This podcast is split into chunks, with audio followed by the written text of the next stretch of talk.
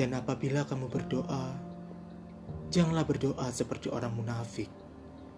Mereka suka mengucapkan doanya dengan berdiri dalam rumah-rumah ibadat dan pada tikungan-tikungan jalan raya, supaya mereka dilihat orang. Aku berkata kepadamu, sesungguhnya mereka sudah mendapat upahnya. Tetapi jika engkau berdoa, masuklah ke dalam kamarmu, tutuplah pintu, dan berdoalah kepada Bapamu yang ada di tempat tersembunyi. Maka Bapamu yang melihat yang tersembunyi akan membalasnya kepadamu.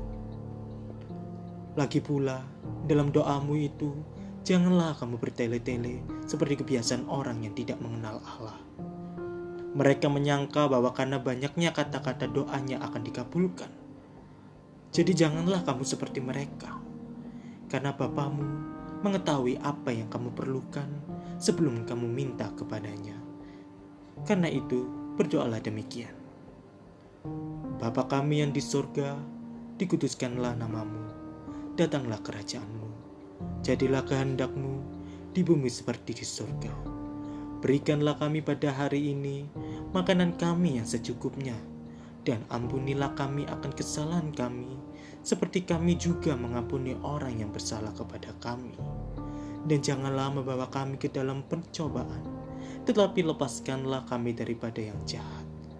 Karena engkaulah yang mempunyai kerajaan dan kuasa dan kemuliaan sampai selama-lamanya. Amin. Karena jikalau kamu mengampuni kesalahan orang, Bapamu yang di sorga akan mengampuni kamu juga. Tetapi jikalau kamu tidak mengampuni orang, Bapamu juga tidak akan mengampuni kesalahan.